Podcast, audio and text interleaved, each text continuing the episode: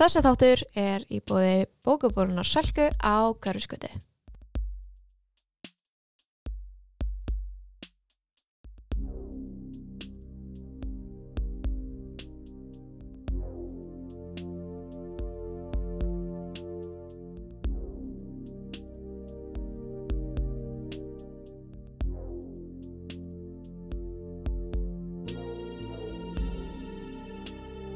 Þið er að hlusta á beðmál um bókmyndir, hlaðvarp um heim bókana. Katla Ársastóttir heiti ég og er þáttastjórnandi þessa hlaðvarps. Og hér á móti mér situr hún Vala Fanny. Hæ, Hæ, hvernig finnst þér nýtt intro? gott, það er það skemmtilegt. Thank Ég fíla hvað þú ert að hérna, breyta til. núna. Takk. Mér finnst svona eins og við séum á einhverju svona, í, í einhverju svona nýju upphafi með þetta pot. Já, já. Þannig að þá finnst mér eins og að það sé kannski komið tími til að prófa alls konar. Bara uppdita hlutina og vera að Uppdata, gera eitthvað, já. bara prófa sér áfram og vera bara óhrættur Algjörlega, við það. mér finnst allir um að velja þér. Já, hvað segir hans? Ég er bara nokkuð góð, Já. ef ég á að segja alveg eins og þér. Ég Æ, er bara eiga góðan dag, við. en þú? bara fýtt sko, hann er bara búin að vera pínu chaotic en mér finnst eins og í hvert einasta skipti sem hann var að taka upp þá er ég að Mhm. eiga kaotískan dag Mm -hmm. mér finnst þetta svona, þetta helst eitthvað í hendur sko en þú veist, það er bara væp og ég er ekkert að kvarta ég á reyndar að skila verkefni sem ég er alltaf að tala um ég var að vera að kvarta yfir þessu verkefni við sko alla í kringum mig Mhm. þetta er að skila einhverja verkefni á morgun og ég er ekki byrjuð að því og já, það Það er bara er- eitthvað Spennandi nótt í vandum hjá þér. já, Mm -hmm. Þetta er eitthvað sem ég er búin að vera að bagga mig yfir í viku en ekki byrja á. En pældu í því hvað þú værir bara búin með það. ef Ég væri búin, Þú sko. hætta kvart yfir því og værir bara búin að gera það. Já, ef ég væri ekki auðli og í einhverju svona sjálfspyntingar dæmi. Já, en sko frestunar áráttan er bara sterk og þú veist, Já, já, það er hún við er að það. stjórnani. Hún er það. Við áttum að, að hérna uh, fara yfir smá, smá mistök sem ég gerði mér síðast þetta. Ok, drama. Um, ég fekk þá ábyrningu að, að Svava Jakobsdóttir var alþingismaður fyrir alþýðubandaleið. Eh, já, ok. og ég bara vil afsaka fyrir þannan miskiling okkar í síðasta þætti Svafi Jakobs og dóttir satt á þingi fyrir alþýðu bandaleið á sinn tíð Hvað segir við? Sorry, ég sagði bara eitthvað og ég er búin að glema Já, eitthvað. Ég ég- er ekki búin að vera að hugsa um þetta og líka að andvaka yfir þessu. Nei, uh, ekki heldur og ég manna ekki heldur en það var þannig ekki alþýðu bandaleið af því ég fekk þetta, þennan punkt þannig að, þú veist, mér er bara gott að við leiðréttum þetta Já. um, sem fyrst Mm -hmm. um, þannig að, Þá að er það það var það bara búið. komið Já, þú veist, bara, bara sorry og bara þú veist, Við biðjumst gleymum og afsökunar. gröfum þetta niður Já. einhvert annað Nice, en hvað ertu búin að vera að lesa? Herðu, um, ég reyndi að byrja á bók eða þú veist, ég byrjaði á bók, ég reyndi það ekki ég gerði það, ég byrjaði á bók áður en að ég fór að lesa hérna, lesafni fyrir þennan þátt Mhm. og ég byrjaði að lesa 100 á sér Reykjavík eftir Auði Jónsdóttir og Byrnu Önnu Björnsdóttir en ég komst ekkert rosa langt í henni Ok. hún er um, um einhverjum svona þrjár meðaldra vinkonir í Vesturbænum og Agnes sýstu mín sem hefur nú komið í potið hún segir að þetta sé eitthvað svona mín framtíð að þú veist að Ó. ég megi hérna búast við þessu Þegar ég var Ok. naldri að vera svona vesturbæði mamma og vera alltaf eitthvað að honga á kaffi vest og eitthvað vera þessi Ok. típa og Spennandi. ég já, Ertu sjá ekki til. spennt fyrir því? Fyrst Nei, þetta ekki vera að byrja þannig að þú myndir vilja taka þátt í þessu eða er þetta... nei, mér finnst þetta meira að vera svona, þetta er konendar sem ég sé til liðan á kaffi og svo er eitthvað æ, Mm, æ, skilði. þeir eru svolítið boring Ok, en ég meina, gott En samt þú að veist- geta tekið svona og verið eitthvað, ég ætla ekki að vera svona. Já, Þú veist, að fá innsýnina og verið eitthvað, nei, Já. veitum þessu. Never Þú veist, en á sama tíma þá gengi ég í gerfipels og bý í 107 Reykjavík þannig að þú veist, ég er ég er alveg að detta inn í típuna sko, Þú stefnir ángað, sko. ég stefna á galabla alveg, en ég meina tíminn líður og, og, og sýnir okkur hvað hva mann uh, hva mann gerast Það er alltaf gott að vera meðvitaður um hlutina hvernig þeir gætu þróast síðan, skilur ef þú, True. ef þú heldur þið á þessari braut Já, þú veist, kannski lest þessa bók og ert bara eitthvað, mér langar bara að vera út hverfa kona er samt 107 útkvörfi Nei, ég er að segja, þú veist, langi það þið langar bara að Já, fara graf og Kannski að ég verði svona flytti flytti í graf og, og verði svona flýspesum mamma Ég er að segja það, Mér finnst það samt eila skemmtilegra Mér finnst- Ég held að flýspesum mamman sé meiri væp heldur en, heldur en það er mjög vesturbæmamman næs Flýspysur eru mjög næs, Já. ég veist það er að vera vannmettnar ekki Já. það að ég geng aldrei í flýspysum en ég er að Nei. hugsa um það núna og ég er eitthvað, vá það eru Já. eitthvað mjög kósi að vera bara í Manst flýspysum ekki eftir að vera mikið í flýspesum þegar það var spann Jú, Ég var alltaf í flýspesu en ég hef aldrei verið í flýspysum svona á mínum eldri árum Nei, það er náttúrulega smá eitthvað svona flýspeysu tíska Já, satt en það eru ekki sömu flýspeysur og í gamla dag þessar eru eitthvað svona designer 66 grann norður flýspeysur Já, þessar eru hot en þú veist það er bara that hits different Mm. ég er ekki í flýspeysu til að vera hot Nei, true þess það er ekki sexy klæðnar Ekki ná, þú viljir það sé sexy. já ég vil það ekki ég held að flýspeysur eigi bara ekki að flokkast það, þangað Nei, kannski ekki En ertu búin að lesa eitthvað meira? Herðu, ég byrjaði á bók sem við fengum í gær. Ok Það er Vögu konan í Hólavallagerði. Það er ljóð eftir Guðrúnur Rannvögu Stefansdóttir. mm. Og ég bara byrjaði hans á formálum í gær Mm. og hún virkar mjög spennandi. Þannig að ég er spennt að uppdata um, þennar draugur. Eða þú veist að ég er búið með hana kannski Mhm. mm. næsta þætti, volandi. Og veistu hvaða bók ég dró fram í gær? Viljið ekki ska? Kemur það einhverjum á óvart? Ég held ekki Tíma þjóðin En ég, hérna, þetta er líka annað e, eintak, eða þú veist, ég kefti annað eintak fyrir nokkrum mánuðum Ok og ég er búin að forðast að lesa það og þetta er svona í kilju þannig að mm. ég ætla svona að skrifa í þetta eintak Mm. Þetta verður svona crash eintaki mitt Nice, mm I like it Þannig að ég er spennt fyrir því að fara að króta aðeins og eitthvað og svona þannig að þá á ég eitt fínt eintak og eitt svona sem má alveg kannski verða fyrir smá barðinu. Já, fyrir smá njaski Já. Já, geggjá Mm Ég er En þú? glöð fyrir þína hönd Takk. Ég held að ég sé bara detta í gýrin. Já. Lastra gýrin. Finally. Það er ágætt Já. Ég hérna held að ég sé hægt og rólega að gera það líka Epic. Það er bara, þú veist, þetta er einhvern veginn ekki á dagskrá Nei. En mér finnst það allt í læg Já.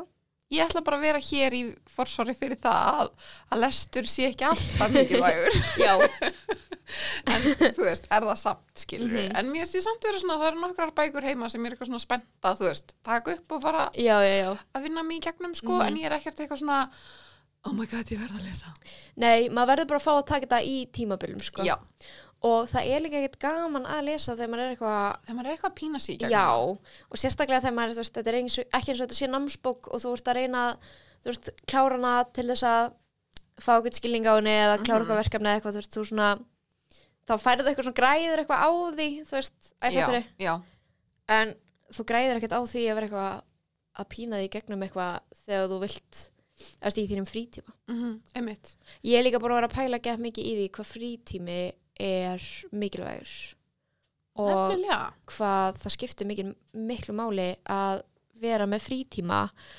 og mér er svona bæði sko, mér finnst þetta skipta frítími í tvent, það er svona bæði frítími sem maður er að gera eitthvað, þú veist Mhm. frítímin sem ég fer og fer í gau, þú veist fer kannski í ræktina fyrir fólk sem fer í ræktina og svona eh, tek til og, Mhm. og elda og eitthvað svona þannig dót en svo er það frítímin sem er bara að gera bókstaflega ekki neitt mhm, og það sem ég er með minni frítíma eða þú veist, ég ald, hef aldrei verið með eitthvað mikinn frítíma en ég er svona ennþá svo miklu meira niður njörfið af því ég er í 100% starfi mhm, og ég er að finna það svo mikið bara, oh my god, þetta er tense mhm. dæmi og ég held að ég mun ekki nenn að gera þetta eitthvað mikið lengur skilu, Eða, þú veist, ég, mér finnst vinnan mér mjög skemmtileg sko, og ég Mhm. mér finnst alltaf gaman að fara í vinnuna en mér finnst hún taka svo ógeðslega langan tíma mhm. það er svona tekur svo mikið tíma mér Já. og það er erfitt þegar maður langar að gera helling Já. ég kannastu þetta, þetta er erfitt Mhm. líf erfiðu staðar til að vera á Já, en þú veist, bara maður þroskast líka og gerir alls konar um, annað, æ, þú veist, þetta er bara, þetta er bara svona. Það Þetta er er bara kostur og gallar, gallar á öllu. Satt. En ég held að það sé mjög gott þroskasteg fyrir mig að vera að, þú veist, fara að kunna að meta og virða frítíma minn meira. mm. Ég held Já. að þetta sé skref sem ég þurfti að taka. ég held að það sé bara ágætt líka Bara in my life. Herðu, við þurfum samt að mæla með ykkur. Hver er þú að mæla með? ó, oh, shit ó, ég ætla að mæla með þáttum sem ég er að horfa á Ú, nice. sem að er á Disney og Ok. heita Only Murders in the Building Herði, ég er búin að hl- horfa á nokkra. og þeir eru svo skemmtilegir, þeir eru Já. svo hugljúfir og svona þægilegir fílgút þættir Já, Með sem er mjög hérna- fyndið að það sé fylgut þættir sem eru samt byggðir á morðaráðgöti. já, en plottið er sem sagt að þeir eru, þeir eru þrjú svona nágrannar sem að bonda yfir upp á alls hlaðvarpinu sínu sem er svona true crime podcast og svo verður sem sagt, er framið morð í byggingunni þeirra og þau eru sem sagt að gera hlaðvarp um, um það og eru svona Já. að Mhm. reyna að ráða ráðgátuna í rauninni í leiðinni og þetta er svona, þetta er skemmtilegt, þetta er Selina Gómez og þeir hann að tveir Steve Martin og Steve hann að Martin. hinn gæinn sem var í hérna klásmyndinni. já, sem ég man ekki hvað heitir, Hann að Santa fyrirgefðu ykkur. Claus-myndinni. Já. en hann er, já, Æ, þú veist svona vondi kallin í Santa Claus 2 eða 3 eða eitthvað. það ég er finni eitthvað út úr það, þessu er, það er það sem ég man eftir þessum manni en einmitt, ég horfði á nokkra þætti um daginn, en það voru bara komnir tveir eða þrýr ah, já, mér um, finnst þetta skemmtilegt að þeir koma bara svona vikulægin já, herru, svo var ég að sjá að American Horror Story komi líka á Disney Plus, mm -hmm. en þeir komi líka bara vikulegin, en það eru samt komna á svona sjö serjur af þessum þáttum Mhm. en fyrsta serið er bara að koma inn samt vikulega, mér finnst það pínur nei, það er nýtt sko það eru nýjir American Horror Story þættir með þess að nýju kasti og er eitthvað svona yngra og aðeins öðruvísi saga what, þannig að ég var ekki að horfa á gömlu þættina nei, ég held ekki af því að ég er búin að vera að horfa á American Horror Story í fyrsta þá, þeir eru allir inni fyrsta serja upp í eitthvað What the hell? Ég held að, ég get svo svarað að það var sko bara ein seri inni og ah, það var bara að koma vikulegin. en ég held að Og sé ég horfði bara að því einn það var þátt. verið að framlega eitthvað annað sem að Kia Garber leikur í og eitthvað svoleiðis. Oh my god, kannski er ég bara miskla ekki að mikið, en ég get svo svarað að það var bara einhver eitt þáttur inni, þannig ég horfði bara Þú eitt voru að- þátt. Þú voru að tjekka á þessu. Ég er nefnilega lendi í því um daginn, var ég bara að segja þér, þegar ég fattaði að ég var með aldurstakmark á Disney Plus-inu mínu og ég var bara með 14 ára aldurstakmark.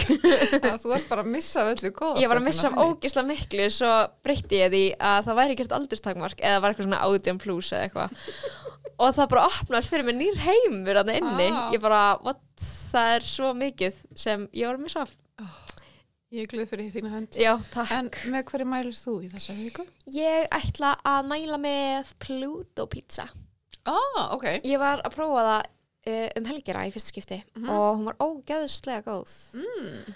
um, og það er all- líka allt svona átjöndum með pítsur, þannig að Mhm. það eru ekki stórar þú veist, þannig að það eru þú veist, það eru ekki ódýrar en mér fannst það samt alveg þess virði já, það er ekki að stórar og svo líka þetta að fara að fá sér sneið já, Ok. einmitt, Ég- sem er næs já við keftum tvær pítsur uh, átjöndum uh, vorum þrjú að borða Mm. og það var nóg til þess að vera með í hátegismöndin daginn eftir líka mm. og það var ekki aðeins næs næs mm -hmm. elska pizza afganga ah, já, þeir eru bestir það er svo næs pítsur eru næstu betur daginn eftir sko já Pítsur eru bara geggjar, svona Ángríns, almennt. alltaf Pluto pizza á meðan maður horfir á Only Murders in the Building. Ah. What a night. what a night, vá, það hljóður ógislega vel Andjóks, vá, ég Já. er svona, ú, Ah, næs. cozy. Geggjað. En hérna, eigum við að tala um bókina? Já, gera. Ég er spennt. Já. Við ætlum að tala um þriðju Twilight bókina, við erum búin að vera að vinna okkur hérna í gegnum þetta hægt Já. og rólega. Hægt og býtandi. Og það er bókin Eclipse Mm. eða Myrkvun. Myrkvenn. Ég las hana í íslensku. Já, Ég veit ekki hvað prinsip þetta er. Mér finnst bara svo skemmtilegt að vera með þýðinguna. Mm, ok, ég Þannig hlaka að- til að heyra meira. Já. Okkur hafði tekist að fel okkur og allar varúðarástafinir höfðu verið til einskis. Mér var ískalt um hjartarætus þegar ég fylgdist með honum búast til að verja mig. Einbendingin var algjör og ekki að sjá á honum minnsta hík þótt hann ætti við ofur ebli að etja. Ég vissi að við gætum ekki búist við neittni hjálp. Á þessari stundu barðist fjölskylda hans fyrir lífi sínu alveg eins og við. Skildi ég einhver tíman fá að vita útkomuna úr hinum bardaganum? Komast að því hver hefði sigrað og hver tapað? Skildi ég lifa nóg lengi til þess? Líkurnar á því voru ekkert sérlega miklar. Svört augu. Logandi af hamslausum þorsta eftir lífi mínu, byðu eftir andartakinu þegar aðtegli verndara mín speindist annað. Andartakinu þegar ég hliti að deyja. Einhver staðar, langt, langt í burtu í köldum skójunum, spangólaði úlfur. Dramatíst. Það er svo dramatísk hún Bella, það er Án alveg magna. gríns Mér finnst þess að við þurftum að vera með eitthvað svona insert, eitthvað svona dramatíska svona tónlist til að vera með undir sig Já, Eða eitthvað svona, já, get múti svona, já, ú, þetta er spooky. já, já, já. Ég skal bara vera svona. Ok, þurfum að taka þetta upp aftur, taka þetta upp aftur Nei, ok, við erum búin að lesa tvær núna. Núna þrjár Eh, Já, þrjár núna. Já. En við erum búin að gera þætti um tvo. Já, Um, og mér fannst kannski bara svona rétt að uh, gefa okkur hvar við erum stödd núna í þessu öllu saman. já, Taka svona aðeins um hvað þessi bók er. já, áður en að því að ég, mér finnst við vera meira að tala um innihald í þessum bókum og velta svona vöngum fyrir okkur svona mannlegri hegðun kannski já, já, já, Eða algjörlega Mhm. mannlegri innan gæsalappa He, he, he, he, he frekar en að vera að greina þetta út frá einhverjum svona, þú veist, bókbendafræðilegum Veistu, ég er búin að vera að hugsa það allan tíman sem ég lasa bók og ég, bara, ég veit ekki hvernig ég á að koma með eitthvað fræð, þú veist, bókmyndafræðilegt teika á þetta, þú veist, ég bara ég fann ekkert I can't do this I can't do this um, Nei, en við náttúrulega í síðustu bók Já, sem að var, hvað hétt hún? New Moon já, þá var Bella mjög dramatísk hún og Edvard hættu saman Já, oh hann my ætlaði að God. drepa sig, hún fór að sækja hann til Ítalíu, já, það var Vultúri já það var Jacob Black var varulfur Varð varulfur bara og Bellu langar að vera vampíra Já, basically, ótrúlega já, dramatíst hér erum við mætt í 620 blaðsjur eða eitthvað Já. um eiginlega ekkert ætla ég bara að segja um, Á gríns Ég lokaði bókinni og ég bara Vá, hvað gerðist? af hverju var hún lengri en 200 blaðsjur Já. Hvað var að gerast í gangi ég veit það ekki sko, bókin eins og ég sagði, síðasta bók endar svona svolítið á því að Bella er búin að taka ákvörðun um að hann langi að verða vampíra og það Já. er svona pínu verið að stilla því upp í þessari bók Já, mér finnst hún vera svona að snúast um það þar sem við erum svona að um, fá ástæður frá henni frá ástæður frá Edvard já, og svona einhverjar mót ástæður frá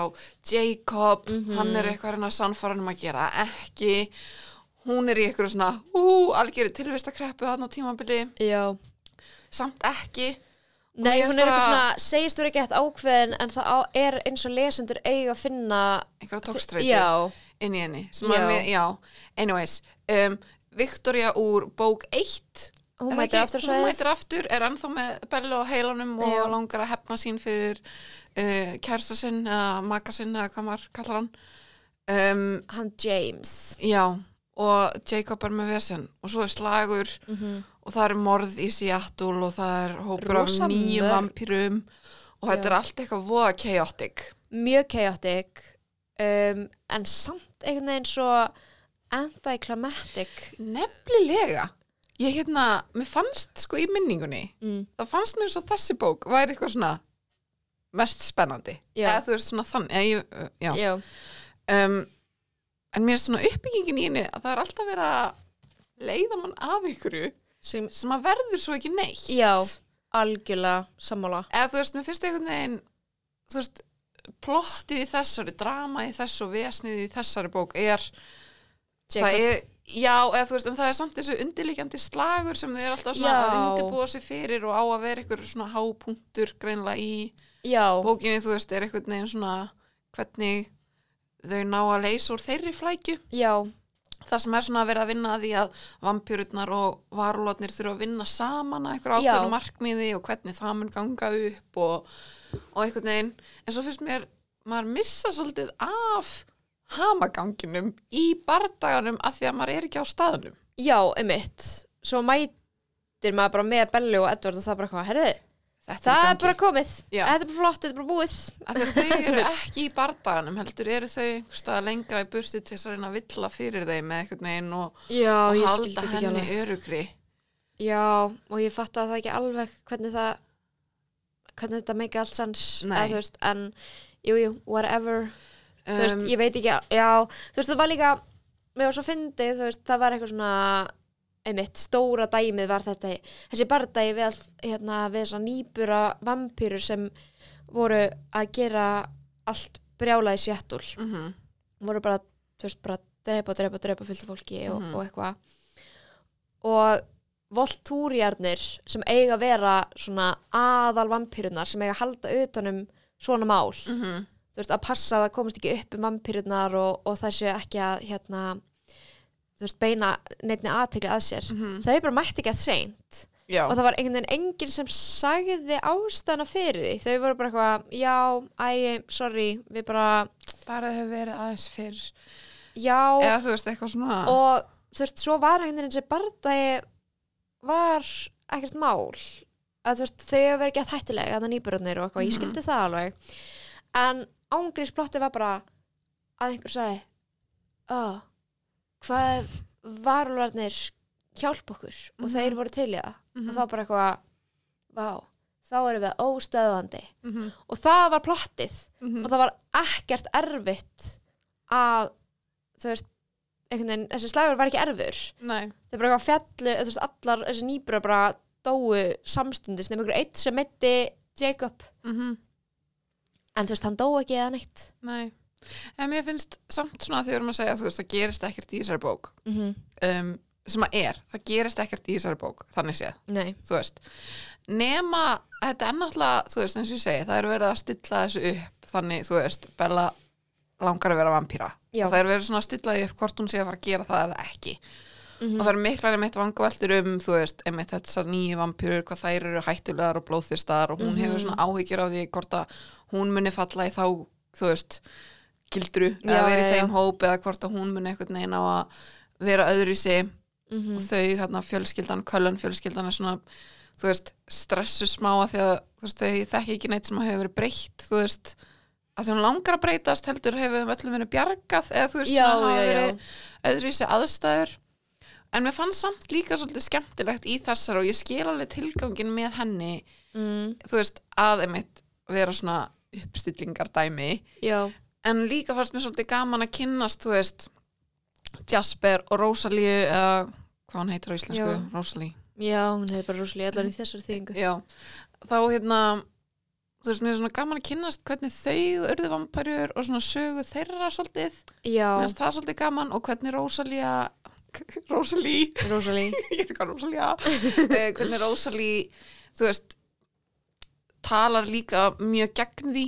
já, að hún verði vampýra þú veist og segir svona þú veist, ég er svo öfundsjúk úti eða þú veist já, þú einmitt. hefur svo mikið tækifæri til þess að gera eitthvað allt annað við lífið þitt okkur viltu þetta einhvern veginn já, um, og mér finnst líka svolítið gaman að heyra þú veist meira frá Jacob já, einmitt og fá sko eða ekki frá Svona- Jacob heldur frá þú veist svona hans origin story Já, og svona hvernig einmitt varúlarnir vinna saman og hvernig einmitt, hvernig þeir urðu til og hvernig þetta svona þessi rígur á milli vampýrana og varúlarna á þessu svæði varð til einmitt af því að Köllan fjölskyldan hefur náttúrulega komið þarna í gegn áður og þurft að því eða þú veist, gerðu þarna samning þá við þennan ætt bálk já, uh, fyrir löngu síðan en nú eru Einmitt. þau komnir aftur og þetta er nú ómikið tensjón að það milli þeirra allar Þetta er nefnilega svolítið svolítið drama sko En svo nefnilega líka í þessari sögu að því við höfum talað um að Bella sé smá hérna, hún er svolítið Jane Austen fan Já, og núna var hún að lesa Wuthering Heights einmitt sem er svona svolítið þráður í gegnum alla söguna Já, og nú mann ég ekkert svo sem mikið eftir Wuthering Heights nei, sko Mér fannst svo fyndi með þetta, ég var einmitt mikið að pæla í þessu Wuthering Heights tengingu af því að hún er að lesa Wuthering Heights svona, þú veist, hún lesa hana svona sexinum í gegnum bókina eða eitthvað Þú veist, hún er bara alltaf bara að lesa Wuthering Heights mm -hmm. og það er held Þetta er ég bók eftir Emily Bronte, sorry ekki Já, já, Jane já. Austen. Viltu segja svona östnögt um hvað hún er fyrir þá sem hafa kannski ekki lesa hana? Uh, Það eru tvær fjölskyldur The Earnshaws and the Lintons and their turbulent relationship with Earnshaw's adopted son Heathcliff og þetta er eitthvað svona um stelpu sem að þarf að velja mm sem að er svolítið það sem að Bella er að díla við, hún þarf að velja annan kottgaurin Já. Og ég held, þú veist, það er náttúrulega bara þess vegna sem, þú veist, þessi bók er tengd við það sem er að gerast Mhm. í Twilight er bara af því að, þú veist, svo í lokinu þessari bók, spoiler alert, segir hérna Bella alltaf eitthvað, oh my god, en ég eh, elska að teka upp líka og allir eitthvað, já, I know. obviously obviously, skiluru en ég held að það hafi verið bara svona þetta átti að vera svona skilabóð í rauninni til lesenda hvað væri svona undirliggjandi af því það kemur í rauninni ekki svona upp á yfirborðið þannig sem fyrir nýlókin mm -hmm. einmitt, hún Já, er búin þó að það vera svo hafi rosalega verið- verið... mikill afneitun einhvern veginn já, þó það hafi náttúrulega verið ótrúlega þú veist, basic en ég sko, ég hef alltaf verið Team Jacob ok, um, en núna eða þú veist svona þú veist, fundist hann ekkert eitthvað geggjaður en alltaf verið bara, það er obvious choice mm -hmm. í mínum auga hann Mhm. Mínum sé augum. mitt Jakob já, ok, og Jakob Jakob. Ég sé þetta svona, já. en ég verð að segja, eftir þessa bók þá er ég bara team hvorir já, Jacob er algjör freaking dick í þessari bók what the absolute frick er í Oh. gangi Sko, ég ætla bara að segja að því ég er búin að í síðustu teimu þáttum hefur Já. talað um bara eitthvað, oh my god, Twilight uh, og bara, þú veist, Ah. ég, mér finnist mér gaman að lesa þessa bækur aftur á því að ég náttúrulega er að lesa þær núna í annarskiptið var Já. mikil Twilight aðdánd í gamla daga og þú veist, innmi, mér er svona náð eða tekist að einhvern veginn komast aftur í þá og bara njóta þess að lesa bækurnar já, en ég held að þú sért búin að smita mig af bad twilight vibes að því að ég bara, þetta var rosalega erfitt Þetta og ég var talaði svo mikið mjög upphátt erfitt. við bókina því ég var bara þér öll hálfitar og þessi gæjar sökka svo feitt ég svo bara, ógeðslega fast what ángríns sorry að ég öskraði en ég bara, ég sko Nei, sko, fyrir þá sem hafa kannski ekki lesið þetta þá voru sem sagt um, ákveður þú segir Jacob þegar hérna, Bella segir honum eitthvað ég ætla að breytast í vampíru eftir að ég útskrifast og hann eitthvað verið brjálaður og bara eitthvað ég vil frekar á degir heldur en að verða vampíra og hún eitthvað what the fuck, frick bro Mhm.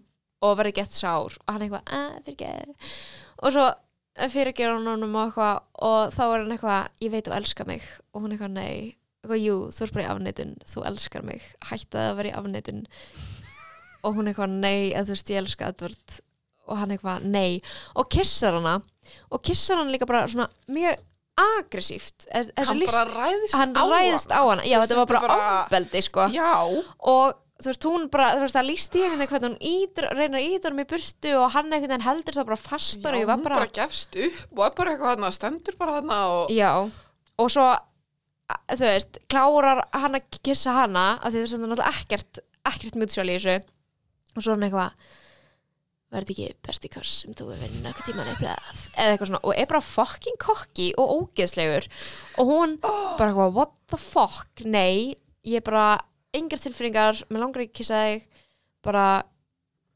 og, og þú veist, lemur hann og brýtur þessu hendina með því að lemja hann og eitthvað þú veist, eh, sem bara er vald, valdur af því að þú veist, er að hann er óvarúlur og Mhm. þess vegna getur hann ekki barið hann án þess að með sjálfan sig svo En- ógislega sterkur En og hann væri- er sterkur getur og verndað hana alltaf svo vera vel. ofan en ég var bara, þú veist, þá þurfti ég bara svona að taka bríðar eftir ég var bara eitthvað, já, ok þannig að höfundurinn ákvað bara að skrifa þetta inn og það er bara allt í lægi eða þú veist, Mhm. af því að það var ekki síðan einhver sk- útskýring á hvað þetta er ekki í lægi á Mhm. hvað það er alvarlegt að gera þetta við Mhm. mannesku það var ekkert svoleiðis Nei, nei Það, já, oh, ég bara, ég get ekki sko, mér fannst þessi bók Mm. bara vera svona ein stór tippakeppni já, og ég var bara, Á. ég gat ekki meira, ég ég var bara þið, Ég þú veist, er þið sammála. sökki báðir þið Já. eru bæ, báðir með tiny penises hætti þessu án,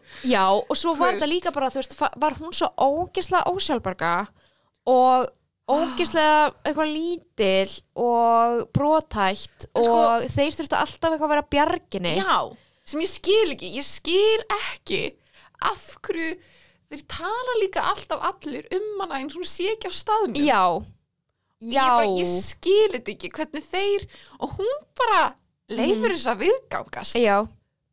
Hún er bara svolítið þarna til þess að vera ykkur hlutur oh, sem þeir gyrnast já. og hún leifir því bara að vera því hún bara eitthvað, já, ægi, ó, Já. hæðilegt eitthvað, bjargiði mér og þeir bara eitthvað stóru, sterku berjast strákar. um hana eitthvað, og hún bara hef, njá, hefur ekkert Já. vald eða eins og hún hafi ekkert val eða þú veist, þetta er eitthvað Einmitt. svo svona ótrúlega og maður á bara að vorkenna ekki að mikið og ég gera það bara ekki neitt ég er bara, þú veist, hættu svo helvits kæfta þér, Einmitt. farið til sálfræng og drulla þér í burtu úr þessum aðstæðum ándjóks ég bara, og ég skil ekki sko, ég skil alveg að vera svona ógislega ástfangin ég Já. ætla alveg að, þú veist, að leifa því að slæta smá þú veist, Já. fyrsta ástin og whatever en sko, come on já, ég get þetta ekki lengur og ég Nei. skil ekki ekkur hún svona ótrúlega þrjósk og föst í einhvern veginn að þetta sé bara eina leiðin fyrir hann að lifa lífinu mhm það buggaði mér sko geð veikislega mikið á því ég bara eitthvað farðið hann og hættu að láta einhverja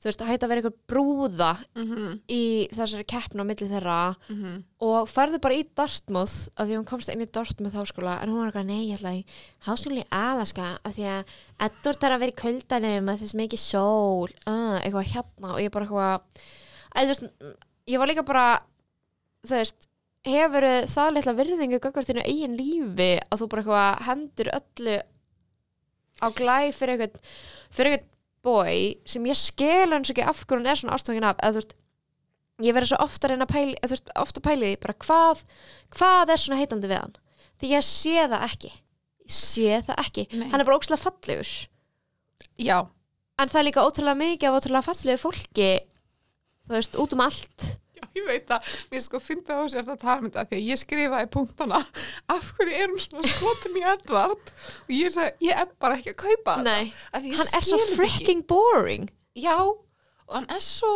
alvarlegur já, og hann er svo hættulegur já og hann getur meitt hann svo mikið Ah. grrr, og ég bara, "Oh ó Ó, það var sko kjánarfallin Nei, en svo veit ég heldur ekki, ég sm- skrifaði líka kannski er ég bara smituð af kvikmyndunum og sé núna bara Robert Pattinson fyrir mér að því mér finnst hann ekki sætur ég var að pæli þessu menn ég var að horfa á Já. klipsmyndina Mhm. hann er ekki, þú veist, fyrir mér Já. er hann ekki þessi gullfallegi Edvard eða Nei. fattar mig, minn fullkomni drauma vampýrumaður lítur ekki svona út mm, og ég veit, það er, skemmir svo mikið fyrir mér já, er bara já, því já, að mér finnst hann ekki sætur eða þú veist, hann er myndalegu maður já, þú veist, hann er huggulegu maður og allt já, það. já, bara flottur, en hann er flottur ekki svona drop dead gorgeous fyrir mér já, eins og kannski einhver annar væri, skilur já, og ég veit ekki hvort að það sé að smita út frá sér í bókina núna og ég sjáu bara Robert Pattinson fyrir mér og er bara Mm. eitthvað, þú ert ekki svona, svona sætur og heitur mér finnst hann alveg hot sko en ég skil samt líka alveg hvað þú meinar já, mér finnst hann er hot, en kannski hot líka í bara öðrum myndum eða þú veist, já, en hann náttúrulega er það fölur líka kannski er það það þú veist, kannski er það, kannski þarf hann bara svona bransar kannski þarf hann bara svona vermendi Já, en ég ætla mig langaði bara að klára það þegar við vorum að tala um hana kossin og já, allt það. Bleh. Mér finnst Charlie pappinar líka svo leimgauður í þessari sögu Hann- að það sko fer með mig. er Karl Remba alheimsins Og það versta er, þú veist, hann veit það ekki. Eða þú veist, ég fatt ekki alveg hvar hann er í heilanum á sér. nei, við fáum líka ekkert að vita um hann hann er bara eitthvað lögga sem þú veist, leifir barninu sínu að sjá um sig Mm -hmm.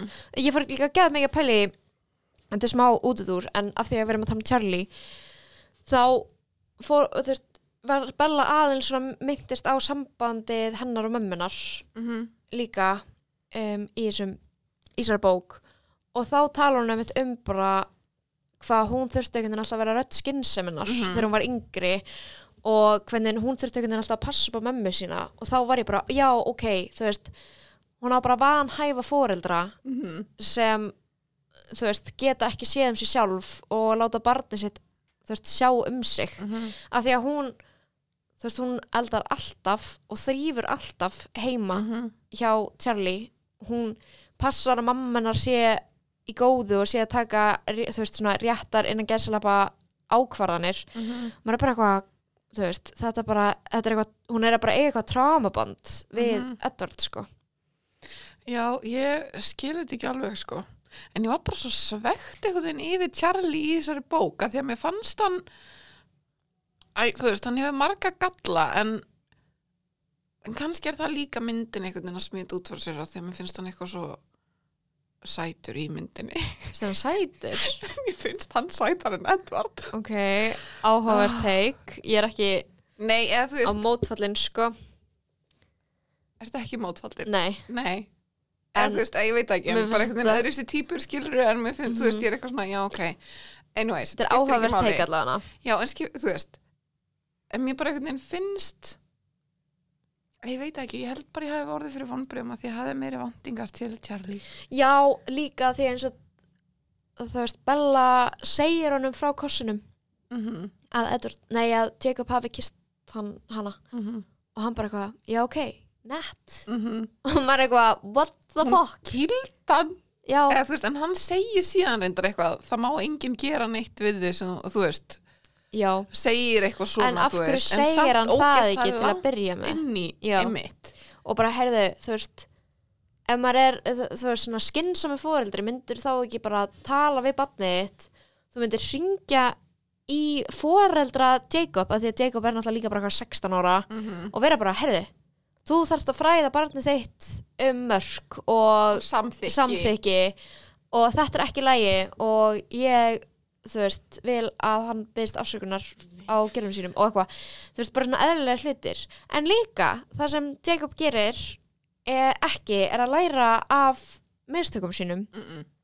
heldur í lokin þá hótar hann að drepa sig Já, hvaða emotional manipulation á- þú veist, þetta er sko emotional manipulation á sko í sko fymtaveldi hann bara, ok, hlustendur sem hafa ekki leir, eða þú veist, kannski langt síðan þið lása þessa bók eða hafa ekki gert það þá sem sagt um, hótar Jacob að uh, fremja sjálfsvík í bardagan í bardaganum ef Bella valdi hann ekki yfir Edvard og það fór skjörsamlega í mínar fínustu af því að hann er bókstælega bara að kúa hana til þess að gera eitthvað sem hún vill ekki gera bara því hann vill það frá henni Já og þú veist, þau fóru bara eitthvað hefi sleik af því að hún vildi ekki að hann fremdi s- þú veist, sjálfsvíg í bardaga en svo var það bara einhvern veginn bara okk, búið svo var þetta bara einhvern veginn ekkert meira rætt Nei. og Edward bara eitthvað já, já, já ég er ekkert pyrraður Þú þurftir að gera þetta já, þú Þetta þurftir er ekki allt í þetta, lagi. fyrir ekki eða þú veist, bara eitthvað, já, já, allt í góð Ah. ég er ekki reyður, e Hann er ekkert svo mál gamall og lífsreyndur og það pyrrar hann ekkert og það fessu í töðunar á mér. mér finnst hann bara gæðveitt óþroskar á meða við hvað hann á að vera þú veist 100 ára og ég bara, þú veist tókst Já. ég alvörinu engan þroska á 90 árum þú veist En bara hvernig þá? Hvar finnst þér hann vanta þroska? bara í samskiptum til ah, dæmis, ok, já. þú veist hann er svo mikill krakki Mm Eða, þú veist, e- eins og ekki krakki hann er bara eitthvað svona ó, Eða sko bara karlir en bara, þú veist, síns tím, eða þú veist, Já. bara sem að er eitthvað svona að því að svo talar enginn heldur við Bellu, ég skil ekki nei þú veist, talaði hvernig bara það snýst um hana allt um hana, já, en það talar enginn við hana nei og það er einhvern veginn allir að taka alltaf allar ákvarðanir fyrir hana og ég Já. bara einhvern veginn skil ekki alveg En ég held að það sé sko bara að hún vill það. Það er bara hennar þing. Hún vill ekki taka einn ákvörðanir. Hún vill bara að það sé einhver annar sem segir henni hvað hann á að gera. Þú ertu upplöðað þannig Já, að því að kannski að því að hún er að bera ábyrð á fóreldri sínum og þá vantar hann að einhver bera ábyrð á herni já, true. Það getur enda vel verið. að þetta sé eitthvað þannig Góð búndur. en samt er það svo fucking stupid Já, og ég skil ekki hún er með þennan aldur svo á heilanum, hún er eitthvað svo stressuð Já. um að verða eldri en Edvard þegar hún verður vampýra já. Bara, oh my god, hann er 17 og ég 18 ára. En samt er hún kannski þú veist, 22 ára í, þú veist, raun- mannárum en hann er, þú veist, 110 ára eða eitthvað. Maður, ég, þú veist, ég skil þetta ekki alveg að því að mér finnst líka svo, mér finnst svo leiðilegt og sorglegt mm. hvað Stefáni Mæjar hafði tækifæri til þess að skrifa Bellu sem sko geggjan karakter Já, og einhvern veginn, þú veist, með miklu meiri völd í sínum höndum og geta orðið einhvern veginn svo sterk mm að, að þetta er einhvern veginn útkoman að ég er eitthvað svona sko mest persónu sköpun Stefáni Mæjurs hrikaleg já, það er engin einhvern veginn persóna enginni það eru enga persónur með eitthvað svona sitt þeng nema bara eh, þú veist, hvað Alice er bara ofpeppari þú veist, það er það eina sem ég sé að einhverjum er pe- karakter já. þú veist, það er engin persónusköpun hana Nei. þú veist, fólk er bara þarna einhvern veginn og, og mér finnst einhvern veginn engin munir á þeim þú veist, maður sér engan persónuleika, maður sér ekki neitt mér finnst þau öll bara gæðvett neh og boring og Já. basic skilur Já, en kannski að því ég vil bara alltaf hafa svona jákvæða hlið á, kannski er það pointið, er bara að það sökka allir, að fólk er bara fíbl almenn En Og- heldur þau samt í alvegurinn að það séu skilabóðin?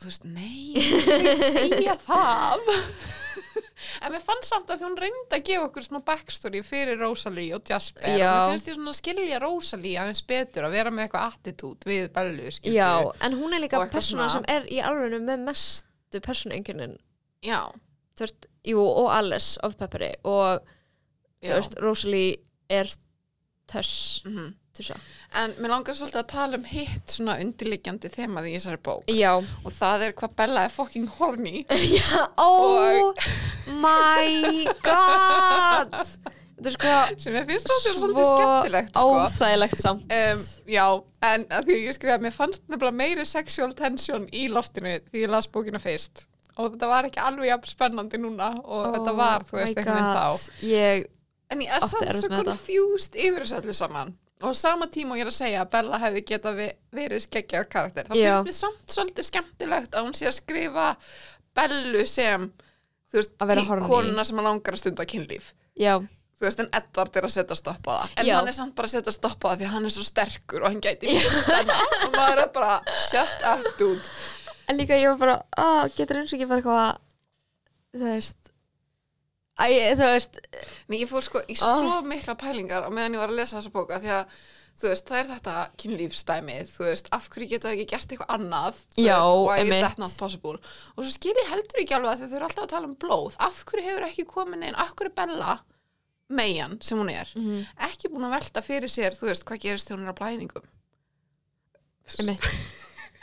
Já, þú veist, ég Já. bara, en það er bara því ég er líka með og ég er að pæli þessu, Já, skilur og ég einmitt. þarf að vita, þú veist, hvað gerist þegar hún er á blæðingum? Ætla það sé sama lykt af túrblóðinu og venjulega blóðinu hennar, Já, þú veist, hvernig gengur það upp? og gæti sjá svo mörg TikTok um það Þú veist, ætla það sé með dífaköpp og svona, Já, geymið það fyrir hann, þú veist, setja í eitthvað glað, eða þú veist, Einmitt. ég, þú veist, ég skil ekki alveg. ekkert að tala um þetta en eins og við tölum um hérna hérstu síðast þetta vorum við svo mikið að tala um hérna rödd höfundarins Mm -hmm. þú veist af því að við vorum að tala um dauða höfundarins þú veist Mhm. í, því, í þeim skilningi um dauða höfundarins og barst svo Mhm. það allt ég var einmitt að hugsa bara vá þegar ég var að lesa þessa bók að sko rödd Stephanie Myers Mm. er mjög greinileg í þessar bók sko sjúklega greinileg Já, já. þú veist, þú, það er allt þú, þú veist, það gengur allt einhvern veginn fannst mér út á að, ég, að hún væri mormóni Já, en þú veist, ég var alltaf bara, já. já. þetta er að því hún er mormóni og hún Já, talar það einu gæti sinni, verið. er sko Bella eitthvað að reyna að leita að blússunni sinni sem passa svo vel við kakipilsuðanar Já, rauða, rauða blússan Rauða blússan. sem ætla að vera við kakki blúsið, já, ég, ég man ég var eitthvað þetta er ekki gott átvið hugsaði til þess að fara að útskrifast í já, þetta átti bara útskrift átvitið og ég bara, um? já, kakipils af öllu mm. en sko, bara að því að þetta kynlífstæmi já, að því að, sko ég skil Edvard upp að ákveðnu leveli, ok, þú veist hann er bara eitthvað nei, þú veist bla bla bla já, og hann þarf eitthvað að því að hann þarf eitthvað svona frá henni til þess að breyta henni í vampíru já, og það er að hún eigi að giftast honum já en það er eitthvað svona sem að sem ég skil heldur ekki alveg Nei, en En þú veist, að því að- það er líka ekkert útskýrt, hann vill það bara. Nei, en það er nefnilega að hún þarf að giftast honum ef að hann á að breytinni. En ef að Já. pappans á að breytinni þá þarf hann ekkert að vera að gift honum. En hún er með á heilanum að fá eitrið hans inn í sig. Og vill vera skuldmyndin honum þannig, einhvern veginn vera nánar honum þannig með eitthvað eitur úr honum í sér. Þess Já. vegna þurfa þau að giftast svo að hann geti gert það við hann. Eða þú veist, bla bla Já, bla bla. ó, ég fannst sko hroll þegar þú segir þetta. Já. og þú veist, og ég skil líka frá hans sjónarhóttinu, hann hafi áhyggjur af því að hún sé ekki að upplifa læginlega mikið af svona mannlegum hlutum og þú veist að það sé eitthvað svona bla bla bla bla bla. 100%. Um, Vi- og, við erum öll hann svona- þar. og hann er að reyna að fresta því Já. að hún láti breyta sér, skilur Einmitt. Mhm. við, sem maður skilur líka alveg, þú veist, ég skil það alveg. Já. En mér finnst hún þurfa að gangast undir svo mikið af einhverjum svona frá þeim öllum Já. bara til þess að hún geti orðið vampýra eða þú veist einhvern veginn og hún er að byggja þarna um einn hlut Einn hann hlut, langar að stunda kynlíf sem manneskja Já. áður en hún verður vampýra Já. og ég skil ekki af hverju það er ekki hægt að leifinu það Af því að Staffan er maður sem er mormóni og maður þarf að vera giftið til þess að stunda kynlíf. já, ég þú veist já, æ, það var einmitt það sem ég hugsaði í, í þessu öllu en mér varst það líka svo óþægileg sena það voru sko ykkur 20 blaðsir af Bellu að vera ógeðslega horni og vera bara að sko setja því líka pressu á Edvard þar sem hún var Já. eitthvað uh, ég er að eitthvað neppa blúsunni og sjáðu að ég er með brjóst en síndur hún náttúrulega ekkert brjóstunum sér og hann var eitthvað hættu, nei, ég ætla ekki stundu kynlum með þér hún er eitthvað, jú, ég er horni, please og hann eitthvað, nei, nei, ekki verið með gift og hún eitthvað, jú, þú veistu þetta voru bara töttu blaðsjöra eða eitthvað Já. og mér leið svo óþægilega, mér leið eins og ég var að lesa eitthvað sem ég mátti ekki vera að lesa mér leið eins og ég var að Ó. lesa eitthvað svona mér leið eins og ég var eitthvað svona að lesa eitthvað svona horni fanfiction hjá einhverju, þú veist, bara úling, sem Já, úlingu já, skrifaði já. eða eitthvað, Já. að ég var að lesa hann á Wattpad eða eitthvað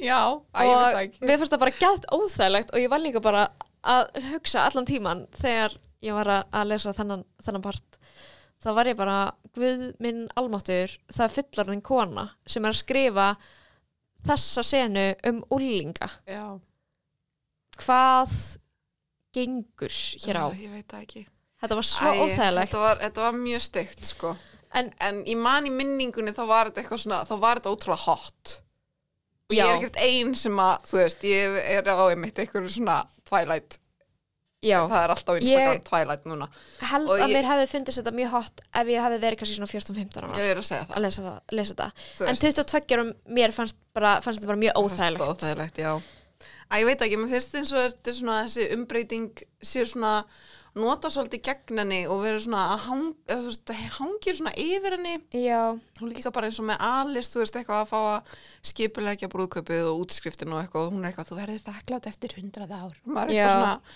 já, en þú veist hana langar þetta samt ekki núna Já. þú veist, af hverju er það, af hverju ekki bara að gifta ykkur þá eftir hundrað ár emitt þú veist, að halda brúðkaup þá eða eitthvað, gera þetta bara eins og hana langar að gera Já. þetta núna En hún kemur líka með mjög skemmtilega útskýringa á sig sem ég, tó- sem ég hérna uh, merti hjá mér Mhm. og mér langar sko að lesa hvað hún segir þegar í einhvern svona brúðkaups uh, umræðum við Edward og mér langar að líka að lesa hvað Edward segir af því að, já, þetta er bara mjög gott Ég er ekki þannig stelpa, Edward Stelpan sem gifti sér strax eftir mentó eins og einhver smábæjar gella sem verði ólétt við kærastan Veistu hvað fólk myndi halda? Gerir þeir grein fyrir hvað öld er mín? fólk giftir sig ekki bara þegar það er 18 ára, ekki skinsamt fólk, ekki ábyrt og þroskað fólk. Ég ætlaði ekki að vera svoleið stelpa, ég er ekki þannig. Og svo svarar hann, sjáðu tilbæla, ég var alltaf svoleið strákur. Í mínum heimi var ég þegar orðin fullan um karlmaður. Ég var ekki að leitað ástinni, nei, mér var allt og mikið í mun að gerast hermaður til þess. Ég hugsaði ekki um annað en þá gullnu dyrðarmynd styrjalda sem var haldið á þeim sem kunnu að vera kvattir til herþjónustu á þessum árum en ef ég hefði fundið punktu, punktu, punktur hann þagnaði og hallandi flatt Ég ætla að segja einhverja en það er ekki rétt Ef ég hefði fundið þig veltist ég ekki í vafa um að ég hefði gert í framhaldinu Ég var þannig strákur sem hefði um leið og ég hefði uppgötað að þú varst svo sem ég leitaði að fallið á kníi og falist eftir höndinni. Ég hafði viljað eiga þig um alla eilífð, meira að segja, þegar orðið hafði aðra merkingu en nú, Æ, dreftu mikið. ángríns. Hún er Já. líka bara, eins og ég er búin að segja, held ég í síðustu tveimur tveilatáttum, að Bella er að koma með mesta Not Like the Other Girls, Mhm. um, Væp. ég get quirky og öðruvísi á enginn skilum með væp sem ég hef bara upplegað í bara bókmöntum hinga til Mhm. jafnvel sko í bíómynd líka og það er mikið sagt og þú veist, bara- ég var alveg á Tumblr 2012 skilur Já.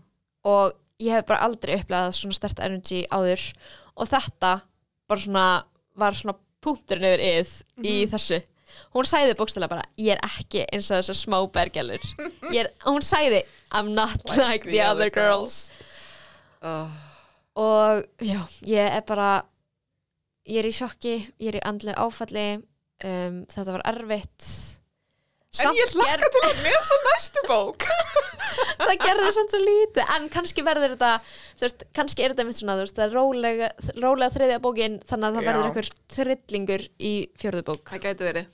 Það gæti allt stemt í það. já, Ég held að myndin var bara mjög léleg. hún var Það er bara ógstlega léleg punktur þar. Ég hef ekkert meira að segja um hana. já, og hún bara, þú veist, mér finnst þess að ég hafi svolítið það sama að segja um hana og allar hinar Mhm. myndirnar að mér fannst það bara svona stikla á stóru í því sem gerðist í Já. bókinni og bara ekkert verið að útskýra eða einhvern veginn svona elaborate neitt.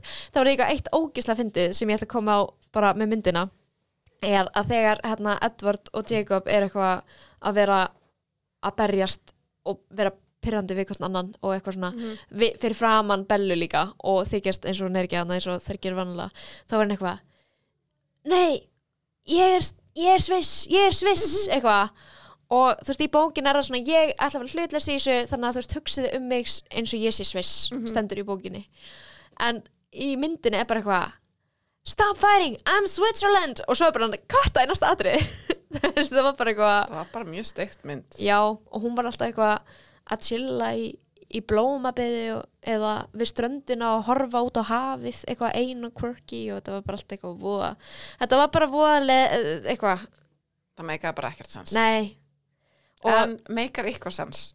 Það er spurningin sem ég ætla að skilja eitthvað með eftir í dag. sko ekki Meikar eitthvað sens í lífinu, svona almennt. mm, sko, ekki tvælega tíminum en mér finnst svona í lífinu stundum hlutunum ykkar sens að einhver Ég er leiti ekkert svo viss. Við Nei. ræðum það næst. það er önnur umlega Við ræðum þetta næst. en bara Tilgang gaman lífsins. tilgang lífsins já það er, það er alltaf ég skemmtilegt við ætlum að lenda í tilvistakreppu fyrir næsta, í, í næsta þetta er það ekki? Jú, bara svona eins og yfirleitt alltaf. E, Það svona ekki. eins og bara við erum búin að vera á síðustu Við erum svolítið búum í keiðusinu. Það er svolítið hannig. Já. En það er bara kósi. já, Mér erst gaman að tala við í dag um uh, myrkvun. já Eða eclipse. sem leiðis, vá, ég bara sko ég hefði örgulega geta rantað í svona tvo klukk tími bót, Ég en líka. veistu, ég held samt að það hefði ekkert upp á sig ég held Nei. að hlustundur séu búin að fatta afstöðu okkar gagvart uh, þessari mynd Og það er alltaf þessari sko leave them wanting more. bók já, einmitt. Við erum að vinna með það í dag. já, já, já, algjörlega Takk fyrir að hlusta á okkur. já, takk fyrir okkur uh, vonandi fariði uh, follow okkur á þeirri streymisveitu sem þið eru að hlusta á þáttin á ef svo streymisveita er Apple Podcast og með endilega henda í reit það hjálpar okkur rosa mikið annars bara takk fyrir hlustið uh, þetta var, er alltaf jafn ánægilegt og við heyrumst næst bless í byli